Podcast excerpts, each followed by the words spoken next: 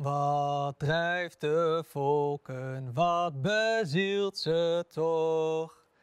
Wat is de waanzin toch die zij beramen?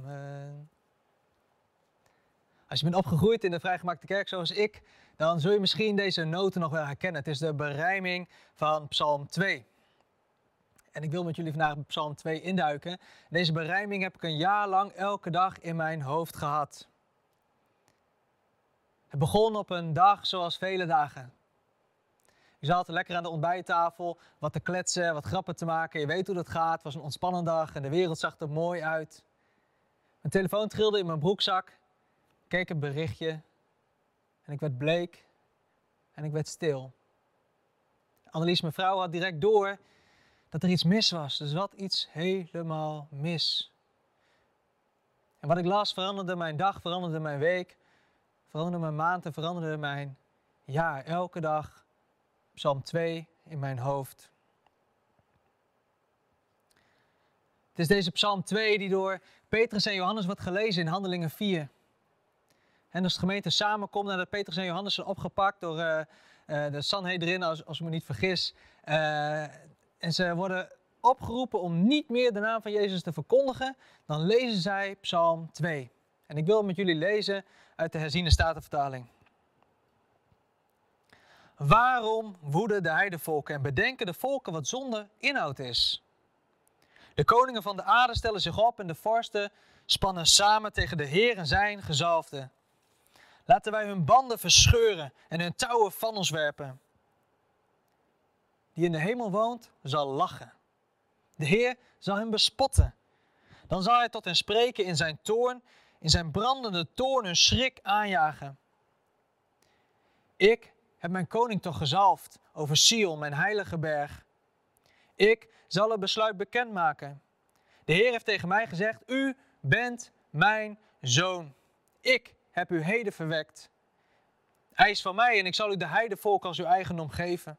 De einde der aarde als uw bezit. U zult hen verpletteren met de ijzeren scepter. U zult hen in stukken slaan als aardewerk.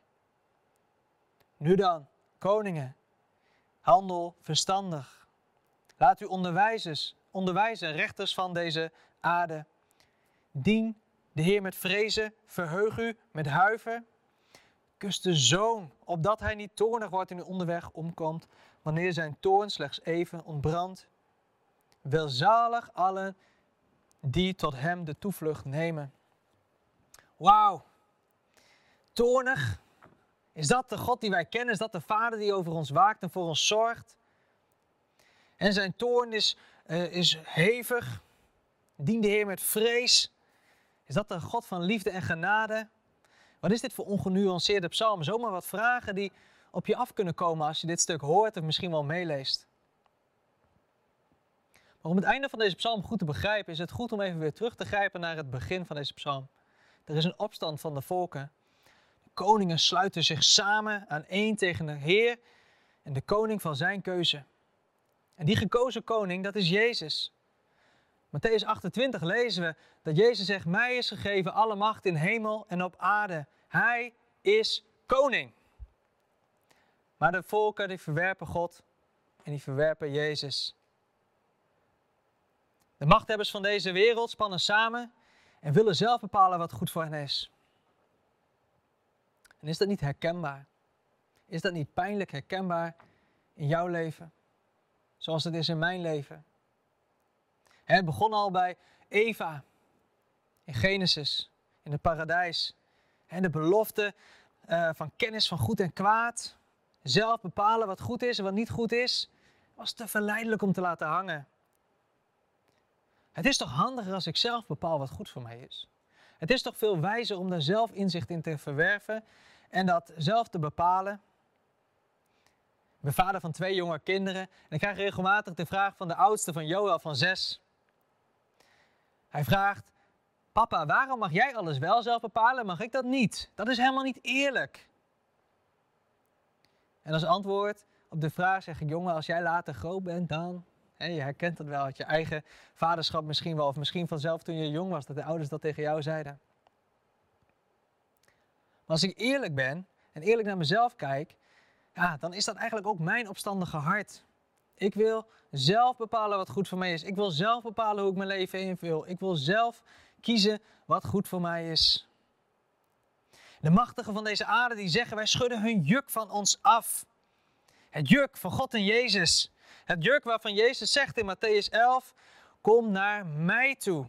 Alle die vermoeid en belast bent en ik zal u rust geven. Neem mijn juk op u en leer van mij dat ik zachtmoedig ben en nederig van hart. En u zult rust vinden voor uw ziel, want mijn juk is zacht en mijn last is licht. Dat juk willen de machtigen van deze aarde verwerpen.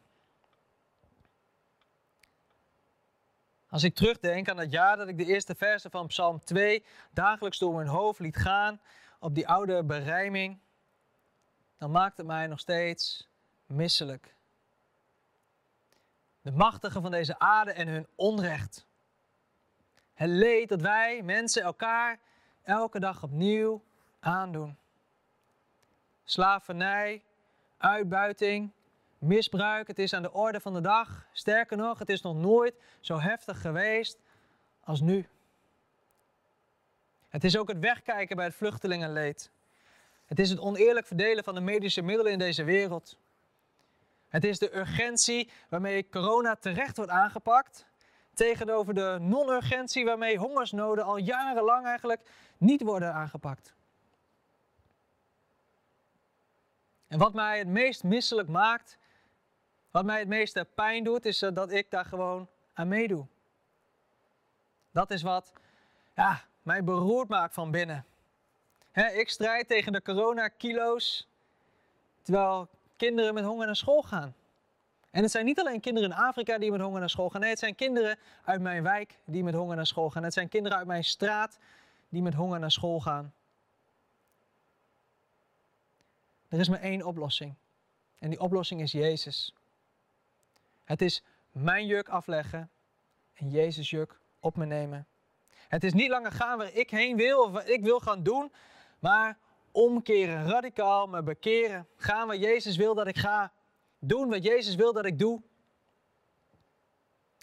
Ik wil mezelf aan Jezus onderwerpen. Ik wil recht doen. Ik wil vol liefde omzien naar die mensen die in nood zijn. Ik wil God toejuichen in hoe Hij recht brengt. En ja, er komt een dag dat God zal ingrijpen. Waarin Hij zal opkomen voor hen die onrecht wordt aangedaan. Er is hoop voor mensen in nood. En eerlijk, deze wetenschap helpt mij soms als ik boos ben of als ik misselijk ben over alles wat er in de wereld gebeurt. Deze psalm helpt mij om de boosheid te koelen. Het haalt de scherpe randjes ervan af. Om vervolgens in gebed het hele problematiek aan God te geven. Heer, u bent koning, Jezus, u hebt alle macht in hemel en op aarde. Het is van u. Breng recht. Als ik dat dan bij God in gebed breng, dan is Gods reactie zo vaak: Ja, Jaap, ik hoor je gebed, maar ik hou ook van hen. Ik hou ook van die machtigen van de aarde. Ik hou ook van die koningen. En ja, mijn toorn is daar op dat onrecht wat ze aandoen, maar mijn hart is daar ook brandende voor om hun hart ook te winnen. Hij wil mij, hij wil jou ook gebruiken om recht te brengen waar onrecht is, maar ook om die machtigen van de aarde of wie dan ook die onrecht doet, hun ook te laten omkeren richting Jezus. Genade, zo oneindig veel groter dan ik me kan voorstellen. Het is mooi om daar richting Pasen opnieuw bij stil te staan. Jezus in de psalmen, Jezus in het Oude Testament. Jezus, Hij is erbij. Hij geeft hoop, ook in tijden van onrecht. En ik wil afsluiten met de laatste woorden van Psalm 2. Welzalig allen die tot Hem de toevlucht nemen.